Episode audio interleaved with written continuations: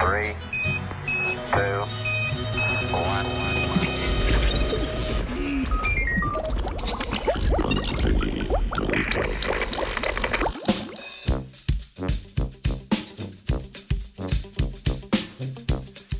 Naravni rastlinski kontraceptivi. Dobro jutro. Skupina raziskovalk z Univerze v Kaliforniji je predstavila novo študijo o mehanizmu delovanja dveh kontraceptivnih snovi, ki sta izvlečka rastlin.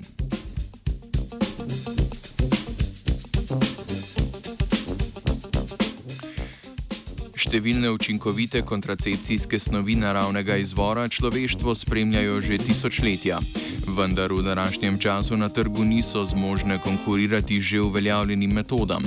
Posledično se v zahodnem svetu to vrstne študije finančno zapostavlja.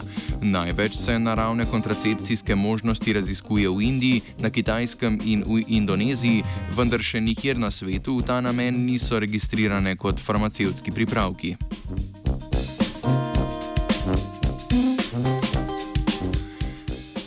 Novi študiji so raziskovalke iskale molekulo, ki bi v ključnem trenutku pred oploditvijo zmanjšala gibljivost semenčic.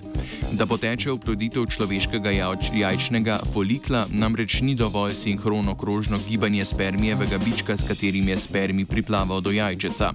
Biček se mora tik pred poro, eh, prodorom spermija upogniti in spet iztegniti, pri tem pa spermij zaluča v notranjost jajčeca skozi njegovo steklasto kožico in celično membrano.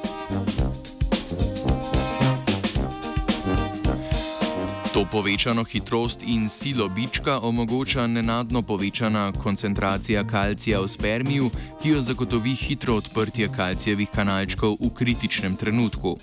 Znano je, da njihovo odprtje izdatno pospeši hormon progesteron. Ta se v veliki količini nahaja v bližini neoplojene jajčne celice, da olajša oploditev in na to omogoča nadaljevanje nosečnosti. Po drugi strani pa hkratna prisotnost drugih steroidnih hormonov, naprimer testosterona, estrogena in hidrokortizona, odprtje kalcijevih kanalčkov in oploditev preprečujejo.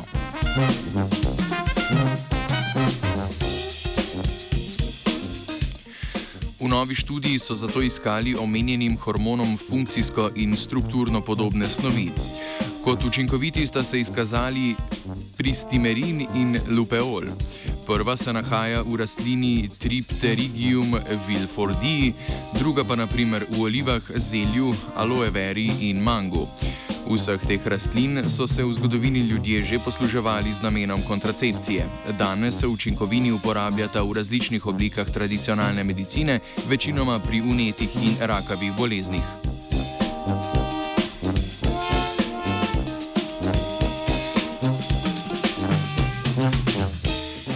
Vrstne naravne snovi sicer ne nudijo zanesljive zaščite pred spolno prenosljivimi boleznimi, ki jo zagotavlja le kondom, zahtevano vsaj 99-odstotno zaščito pred nosečnostjo pa bo eksperimentalno težko dokazati. Kljub temu bi lahko pri številnih ljudeh pomnožile učinkovitost naravnih metod kontracepcije, kot so umik spolnega uda in ovulacijska metoda.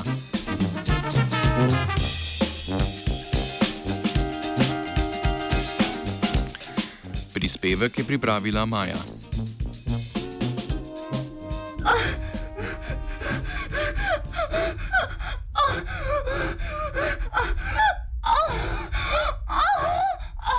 Radio študent prodira globlje. Mmm, that's nice.